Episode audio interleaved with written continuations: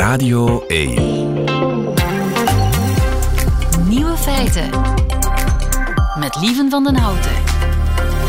Dag en welkom bij de podcast van Nieuwe Feiten, geïnspireerd op de uitzending van maandag 8 mei 2023. In het nieuws vandaag dat de Pixies ongeschikt zijn als wekker. Met name dit nummer, Where is my mind? Je zou denken, uiterst geschikt, luid genoeg, maar iemand op het forum Reddit vertelt dat het nummer zichzelf als wekker saboteert. Want wie dit nummer op zijn Google-telefoon als wekker kiest, die wordt niet gewekt. En dat ligt aan het begin van het nummer. Dat klinkt zo. Stop. Stop. Zanger Frank Black roept stop. En laat dat nu precies de code zijn bij de Google-telefoon. Het commando waarmee je de wekker het zwijgen oplegt. Dus die wekker legt zichzelf het zwijgen op. Moderne technologie Zwijg mij ervan. De andere nieuwe feiten vandaag. In het Zwitserse parlement mag geen Zwitsers gesproken worden. Vice staat op de rand van het faillissement. De eens zo hippe internetkrant. En Lia van Beckhoven blikt op haar manier terug op het Kroningsweekend. De nieuwe feiten van Nico Dijkshoorn die hoort u in zijn middagjournaal. Veel plezier. Radio 1. Nieuwe feiten. Vice staat op de rand van het faillissement. Vice, die hippe online krant voor uh, ja, zeer jonge mensen over de hele wereld. Jonathan Hendricks, goedemiddag. Goedemiddag. U bent mediaonderzoeker van uh, de VUB en ook uh, werkzaam aan de Universiteit van Wenen. De New York Times die schrijft dat Vice binnenkort het faillissement aanvraagt. En ik die dacht dat Vice zo succesvol was en dat wereldwijd alle hipsters dat lazen.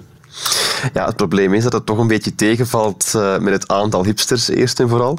Maar daarnaast uh, zien we ook meer en meer dat media als Vice teloor gaan aan het gebrek aan een duurzaam businessmodel. Het is moeilijk om jongeren te overtuigen om te betalen voor nieuws. Elk onderzoek wijst dat uit.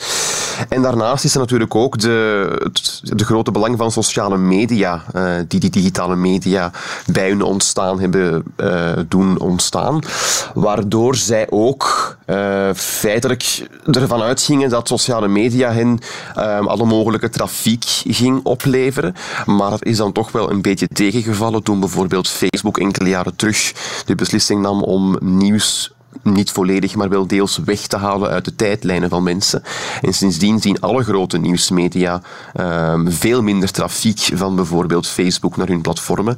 En dat doet nog meer pijn voor die kleinere nieuwsmedia die daar net nog veel meer afhankelijk van zijn, ja, zoals bijvoorbeeld Vice. Vice bijvoorbeeld, maar ook BuzzFeed, hè?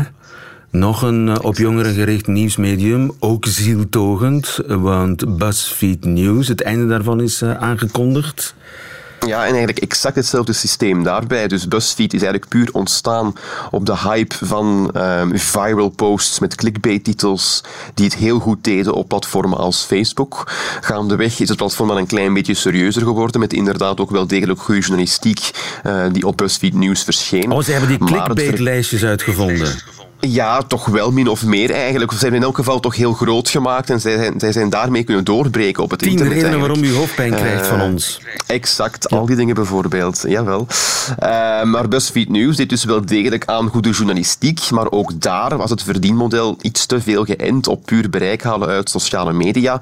Terwijl opnieuw dat voor die kleinere nieuwsmedia, die toch wat meer in de marge blijven dan de grote gevestigde merken, veel moeilijker is geworden de afgelopen jaren met alle negatieve gevolgen van die. Ja, ja. Dus die hebben hun algoritmes aangepast, die sociale media. En dat is eigenlijk de doodsteek geweest voor BuzzFeed News en nu voor uh, Vice. Terwijl zij ja, tien jaar geleden de jongeren bereikten die de traditionele media verloren waren. Dat klopt, maar we zien intussen dat traditionele media veel van de praktijken van die digitale media hebben overgenomen. De en succes. Ja, eigenlijk ook wel. Als je gewoon kijkt naar bijvoorbeeld ook Vlaamse nieuwssites. Newsmonkey is ontstaan als het Vlaamse uh, antwoord op BuzzFeed. Uh, denk ook aan de intussen gelukkig grotendeels verdwenen HLN clickbait artikels of het Nieuwsblad clickbait artikels. Intussen is dat wel flink gebeterd, moet gezegd worden. Maar denk bijvoorbeeld ook zeker aan Nieuws Nieuws Nieuws op Instagram, wat ook eigenlijk gewoon een heel succesvol voorbeeld is van de publieke omroep om jongeren te bereiken die zij niet bereiken met hun traditionele kanalen. Maar wat ook gewoon ontstaan is uit het gegeven van, kijk, jongeren zijn op sociale media, zij consumeren daar informatie en dus gaan wij ons daar als publieke omroep ook op begeven. En je ziet ook nu hetzelfde op platformen als TikTok bijvoorbeeld, waar ook andere grote nieuwsmerken op zitten en ook met heel veel succes tegenwoordig. Dus eigenlijk hebben de traditionele media lessen getrokken en hebben die, die jonge mensen grotendeels teruggewonnen.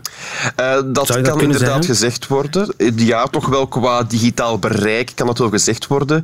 De traditionele bedrijven hebben ook natuurlijk het, gewoon, het grote voordeel dat zij groter en rijker zijn en zich wel kunnen permitteren om wat meer te experimenteren, omdat zij een heel diverse stroom hebben van uh, platformen, kanalen en ook van publieken. Opnieuw om bij de VRT te blijven, dat gaat dan om radio, televisie, online en ook sociale media dan een platform als inderdaad BuzzFeed of Vice, dat het eigenlijk quasi volledig van sociale media, en dat is dus onvoldoende gebleken met die algoritmewijzigingen. Uh, maar je ziet dus inderdaad wel dat jongeren meer en meer bereikt worden door traditionele media. Het grote probleem is dan weer, om terug te komen op wat ik eerder zei, de betalingsbereidheid um, ligt wel zeer laag bij jongeren. En het is nog maar de vraag of al dat gratis aanbod op sociale media hen ervan zal overtuigen om op termijn ook wel die omslag te maken om wel degelijk te willen betalen voor nieuws. Ja, het blijft een zeer woelig water, de media en de nieuwe media. En ja, Vice en BuzzFeed uh, lijken te verdrinken in dat woelige water. Jonathan Hendricks, dankjewel. Goedemiddag. Graag gedaan.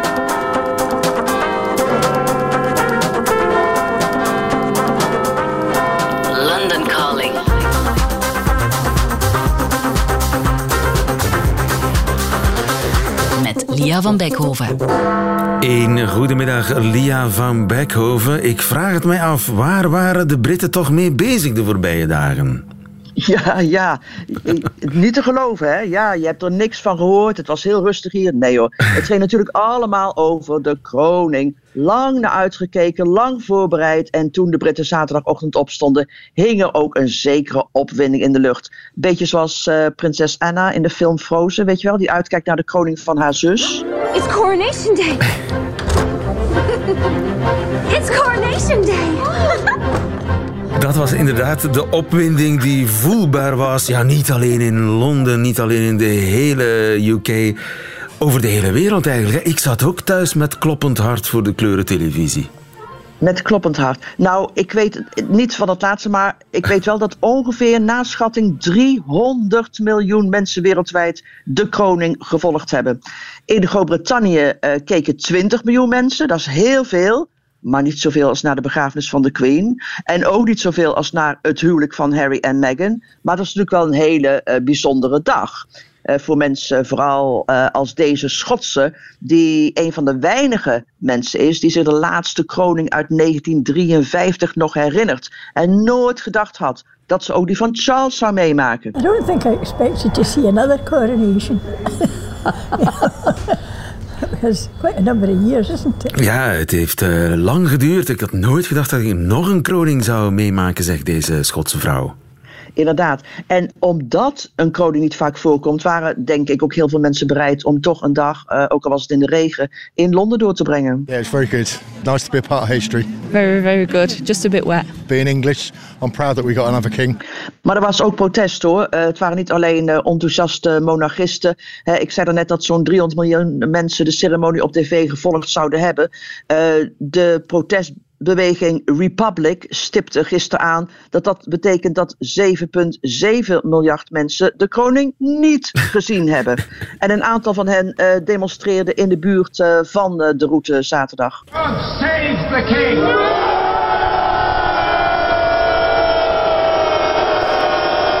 Boegeroep voor de koning. Al bij al nog braaf, maar er zijn wel arrestaties verricht, hè?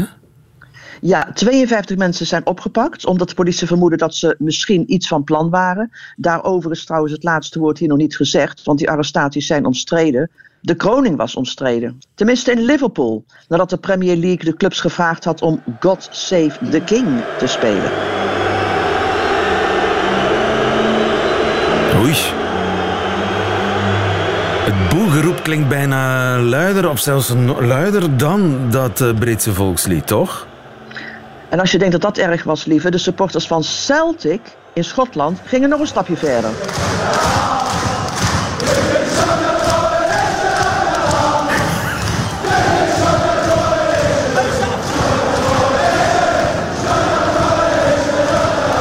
Celia, heb ik dat goed begrepen? You can shove your coronation up your arse. Helemaal goed. Jeetje, je kan je kroning steken waar de zon niet schijnt, zal ik maar netjes vertalen. Prachtige vertaling. Kijk, zullen we dat maar eh, onder de noemer vrije meningsuiting scharen? Ja. En tot spijt van wie het benijdt, Charles is wel degelijk gekroond. De ceremonie is zo goed als vlekkeloos verlopen. Alles volgens de duizend jaar oude gebruiken. Beetje saai, tenminste prins Louis. Hè, de jongste zoon van William en Kate zat alsmaar te geeuwen en te gapen.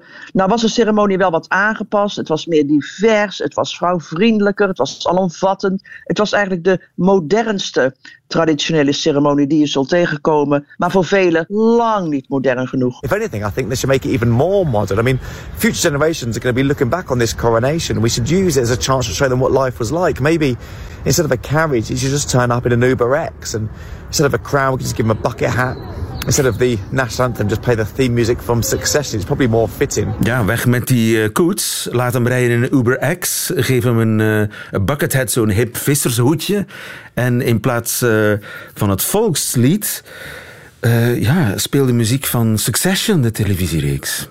Is een oplossing, maar er is wel nog gemoderniseerd. Ik bedoel, tijdens de kroning bijvoorbeeld moest het staatszwaard meer dan, meer dan twee uur lang kaarsrecht vastgehouden worden voor het aan de koning overhandigd werd. En voor het eerst in de geschiedenis wordt die taak weggelegd aan één vrouw, Penny Mordaunt, Kamerlid, voorzitter van de Privy Council, dat is een adviesorgaan eh, van de koning. En ze deed het. Who is this woman and why did she have to hold a huge sword for ages and ages and ages at King Charles's coronation ceremony? That is Penny Mordaunt, and it's the first time ever that a woman has fulfilled this role. Ja, de echte heldin van de kroning, hè? Nou, ze heeft haar taak perfect uitgevoerd. Dat wil zeggen, ze heeft een zwaard van bijna 4 kilo heel lang, heel goed, heel stevig vastgehouden.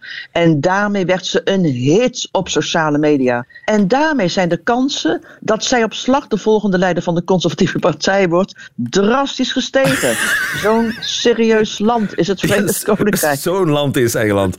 Eh, nu, eh, en een kroning is toch ook een beetje zien en gezien worden. Eh, kunnen we nog iets vertellen over de outfits van de diverse genodigden en de hoofdrolspelers? Ja, ja, graag. Eh, op TikTok regende het natuurlijk filmpjes eh, waarin de outfits van de koninklijke familie, van alle gasten, uitgevoerd besproken werden. Queen Camilla wore Bruce Oldfield. It was a little underwhelming, but the embroidery was beautiful and it served its purpose. Kate wore custom Alexander McQueen and looked beautiful. And Princess Charlotte had a little matching custom McQueen look, which is so cute. Katy Perry wore Vivienne Westwood, celebrating another type of British queen. Princess Eugenie gave us pregnancy style in custom Fendi. But Princess Beatrice's dress didn't feel that momentous. Prince Harry wore Dior. This is a little boring, and it was a shame not to see him in a British tailor. Ja, Harry was een ah. beetje saai. Camilla hield het bescheiden. Dat is het belangrijkste commentaar. Maar Lia, wat vond jij eigenlijk van Camilla's outfit? Ehm, ik zag een, een bijzonder detail en heel begrijpelijk, want je kunt natuurlijk geen koningsjurk dragen zonder dat de afbeeldingen van je honden Bluebell en Beth met gouddraad op je jurk geborduurd zijn. Was dat echt zo? Heb je dat- gebeurde. eh, eh, dat was ik echt gemist? zo. Dat is echt zo. Dat is echt zo. Dus haar honden waren Onderaan op haar jurk. jurk geborduurd. Met goud. Goed, ik vat het even samen. Het was een mooi weekend voor heel veel Britten. Eh, en ja, dan was er gisteren nog ter afronding dat gigantische concert in de tuin van eh, Windsor Castle, hè? Ja, duizenden feestvierders in die tuinen van Windsor Castle voor het concert, voor het vuurwerk, met koning Charles erbij. Al kunnen we hem volgens ceremoniemeester Hugh Bonneville ook anders noemen. Our newly crowned King Charles III, whose lifelong passion for the arts we will be celebrating throughout the show. He himself, of course, is a painter, an artist. The artist formerly known as Prince. Hugh Bonneville, natuurlijk. Van Downton Abbey kennen we hem vooral. Die eh, grapt dat King Charles nu eigenlijk de nieuwe artist formerly known as Prince, Prince Charles dan, eh, is. Goed.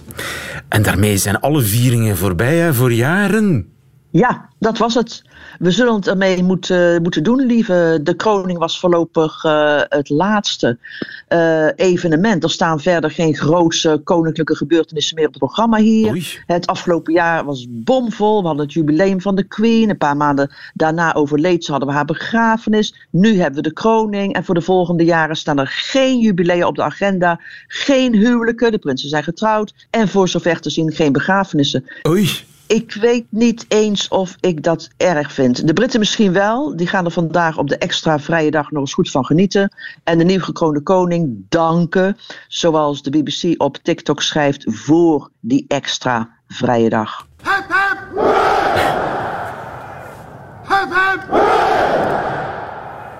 Hep, hep! Jeetje, dat was inderdaad uh, in de tuin van Buckingham Palace die uh, driemaal hip hip hoera voor de koning door de verzamelde ja, legertop eigenlijk. Hè? Volgens mij kun je dat, dat als geheim wapen tegen Rusland inzetten. Ik zal het ze doorgeven. hip hip hoera voor de koning. Dankjewel Lia van Beckhoven.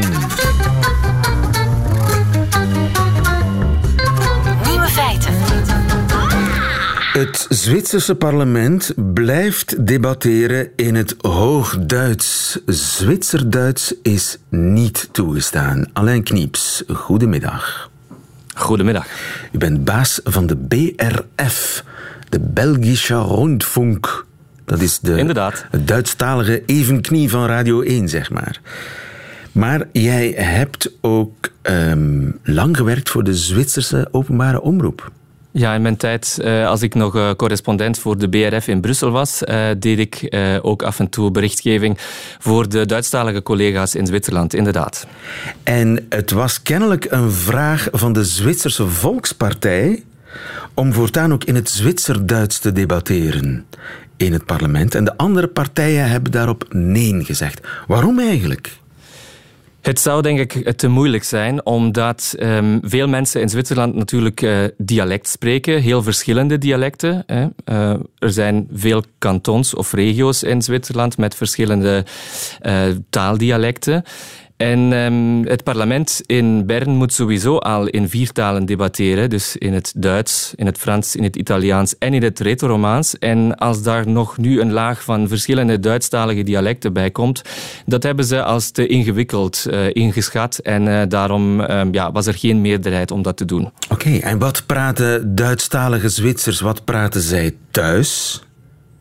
Dat is heel moeilijk. Um, dus er bestaat zo'n soort uh, variant van het Hoogduits. Hè, Hoogduits. Uh, dat is, uh, laat maar staan, de standaardtaal die wij ook hanteren hier in het oosten van België of in Duitsland. Um, dat spreken ze niet in Zwitserland. -huh. Ze hebben daar een Zwitserse variant van. Die is ook voor buitenstaanders niet altijd gemakkelijk om dat te verstaan. Maar thuis spreken de mensen eigenlijk, iedereen spreekt dialect. Dat doen ze niet enkel thuis, ook op de werkvloer. Uh, de leerlingen op school uh, die doen dat ook, maar ze leren, dus iedereen leert op school wel die Zwitserse variant van het Hoogduits, maar het is uh, zeker niet de voertaal in Zwitserland, dus de mensen spreken dialect. De mensen spreken dialect, wat wij dan Zwitserduits noemen, maar dat is niet één taal, dat is een verzameling dialecten. Ja, inderdaad, dat is zo'n verzamelbegrip. Um, bijvoorbeeld Um, mensen uit Zurich die spreken dan anders dan mensen uit Bern of uit Luzern, dus in het, in het hele Duitsstalige gedeelte van Zwitserland. Um, er zijn natuurlijk woorden die gelijk zijn, maar er zijn ook grote verschillen tussen die dialecten. Dus het is inderdaad ja, zo een verzamelbegrip voor, uh, voor alle dialecten. Zij noemen het zelfs trouwens in het Duits mondaat. Uh, dat is wat zij spreken. Mondaard? En, Hoe zou je dat vertalen? Mondaard, ja. Dat is uh, een, uh, ja, de, een mondkunst. dat is hoe zij het noemen of hoe zij het ook zien. dat is hun echte taal. En het is bijna een kunstmatige taal geworden, die, um, die versie van het Hoogduits die ze spreken. Want behalve bij het nieuws op radio en tv, daar uh, spreken de presentatoren uh, of de journalisten enkel Hoogduits, maar uh, de mensen niet in hun dagdagelijks leven. Dus dat is bijna een schizofrene situatie geworden. Ja. En om het voorbeeld nu van Radio 1 op de VRT te nemen, bijvoorbeeld. Ja. Uh, het radionieuws is in het, dus in het Hoogduits dan, maar Ja. het weerbericht is in dialect. Dus eh, de presentatoren spreken ook dialect. Dus het is echt een, een schizofrene situatie. Laten we eens luisteren naar de hoofdpunten van het televisiejournaal van de SRF gisteravond. Guten Abend, wir melden uns zur späten Stunde mit der Tagesschau zurück. Und Dat is dat mit diesen Hoogduits, hè? de Zwitserse versie daarvan. Assad ist zurück. Die arabische Liga nimmt Syrien wieder auf, macht dem Diktator aber Auflagen. Ja, het klinkt in mijn oren als eh, Duits, maar dan een beetje trager gesproken. Ja, met een, ik zou zeggen met een groot accent, maar eh, dat zal je ook vinden in Oostenrijk bijvoorbeeld, of in het zuiden van Duitsland. En denk aan Beieren, eh, die hebben ook een heel speciaal accent. Maar dat is een taal, eh, dus die, die, de Zwitserse variant van het Hoogduits, die ze enkel nog echt op school, de leraar in de klas, en op televisie of op radio hanteren. Want de daarna- mensen in hun dagdagelijks leven, dat is echt dialect. Echt dialect, want daarna komt het weer naar het nieuws. Nachmittag bei SRF Meteo. 6,6 mm Niederschlag hat es heute Nachmittag gegeben. Und das nur in einer Stunde. Und auf dem NAPFOB ist das registriert worden. Auf dieser Station, die 6,6 jetzige millimeter Zeit neerslag. Ja. Zo'n hoge Wert. Nu wordt het eh, zelfs voor mij als Duitsstalige moeilijk om dat, eh, zo? helemaal te begrijpen. Ja, dat Het leek zo. een beetje West-Vlaams bijna.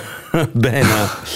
Nu, dat is, dat is wel een, een probleem ook voor... Want welke taal eh, kun je dat thuisbrengen, dat weerbericht? Is dat Zurichs? Is dat Berns? Is dat... Oei, eh, dat, is, eh, dat is te moeilijk voor mij om daar nu nog eh, een, een onderscheid te maken.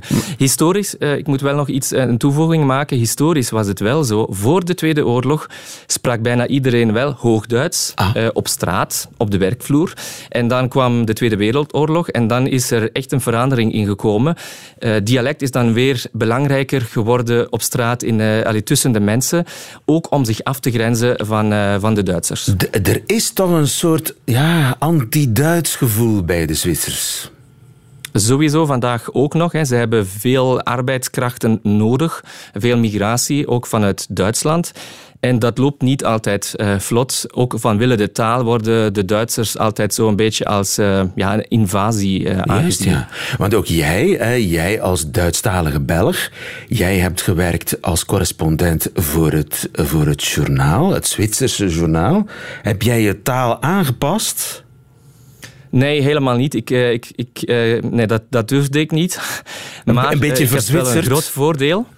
Ja. Eh, ik heb eh, een Franstalige voornaam en eh, dus daarom kon Ah, ik gewoon geen Duitser zijn. Oké. Alright, maar dus het Duits wordt een beetje als kunstmatig, als eh, ja, van buiten Zwitserland beschouwd. Ja. Tegelijkertijd Inderdaad. is er eigenlijk geen alternatief, want dat Zwitser-Duits, dat is, dat is een verzameling. Want je, een verzameling dialecten, want eh, dat, dat weerbericht eh, dat we net hoorden, dat was in een, in een ja, eh, zeer kleurrijk di- dialect, hoorbaar.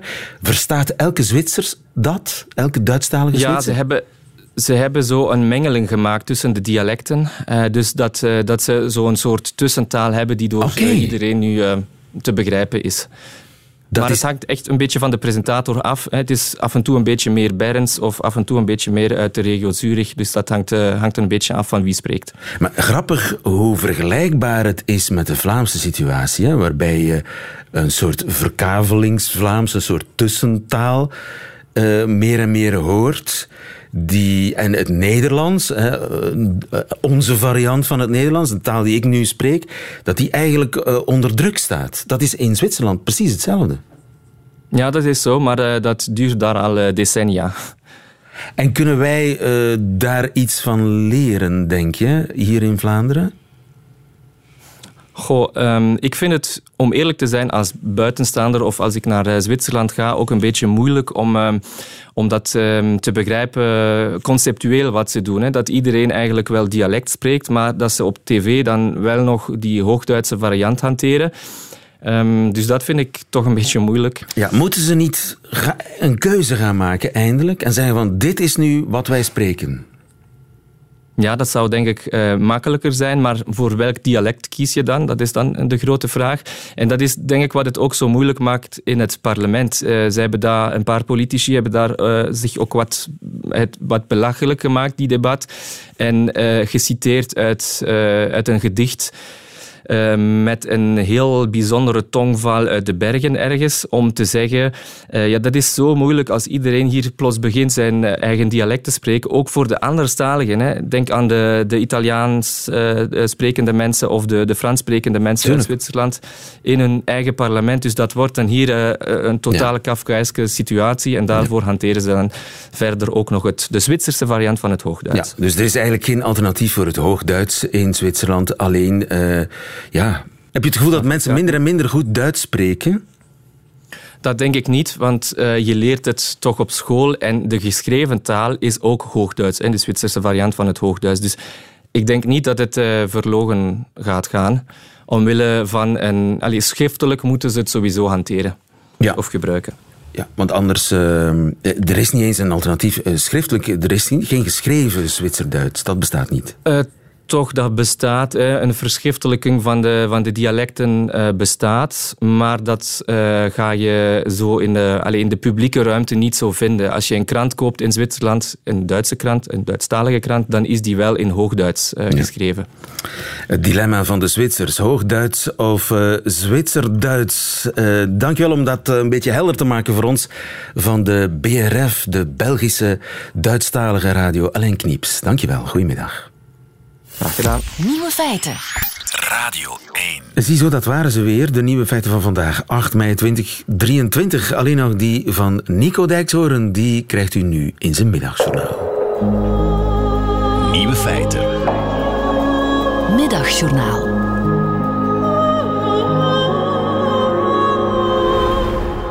Beste luisteraars. Mijn vriendin Tanja die kan je op twee manieren zielsgelukkig maken. De eerste methode. Als ik een dag lang mijn smoel houd en haar niet bij alles wat er om ons heen gebeurt vertel wat ik daar weer allemaal bij voel. En dat ik dit en dat precies zo heb meegemaakt, maar dan weer net anders. En dat het me doet denken aan die ene keer dat ik daar en daar stond en dat die ene man op mij afkwam, et cetera, et cetera. Luisteraars, het moet vreselijk zijn om met mij samen te moeten leven. Zet een kopje thee voor mijn neus. En hopla, daar ga ik alweer. Nee maar zeg. Kijk nou eens. Het lijkt precies op het kopje waar ik ooit een gestorven tante uit heb zien drinken. En die tante, die had een man die steeds heel hard schreeuwde: Hier trek ik de grens. Frambozen thee, dat komt er bij mij niet in. Etcetera, etcetera. En luisteraar, zo gaat dat de hele dag door. Wat ik hier nu doe, u een verhaal vertellen, dat heeft Tanja iedere dag. Ze weet, maak oogcontact met die gek en er komt weer een verhaal uit 1996. Toen hij op een eiland in Griekenland heel in de verte een dolfijn voorbij zag zwemmen, maar dat kan ook een zeehond zijn geweest. Dit weekend keken Tanja en ik naar de serie Succession en ook dat wist ik weer naar me toe te trekken. Ik wees naar de televisie en ik zei tegen Tanja: Zie je die schoenen die die ene man aan heeft? Die had ik ook ooit, maar dan in het bruin en met een hoger hakje. Dus even geen dagje Nico, daar wordt Tanja heel blij van. Waar ze ook heel blij van wordt, het is obscure karaoke.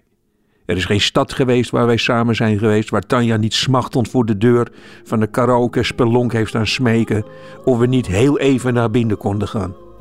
Dit weekend liet Tanja mij op haar telefoon een video zien van haar laatste karaoke optreden hier in Leiden.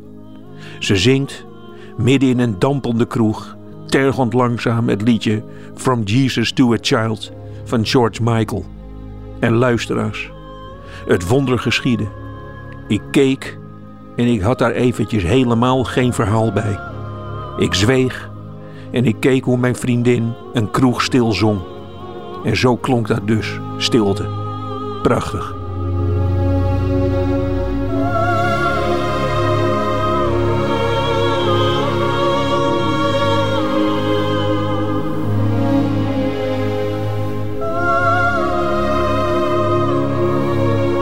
Ik hou mijn mond, Nico, al zou ik heel veel kunnen vertellen over karaoke. Nico Dijkshoorn in het middagjournaal. Einde van deze podcast. Hoort u liever de volledige nieuwe feiten met de muziek erbij? Dat kan natuurlijk elke werkdag tussen 12 en 1 live op Radio 1. Of on demand via de Radio 1 website of app. Tot een volgende keer.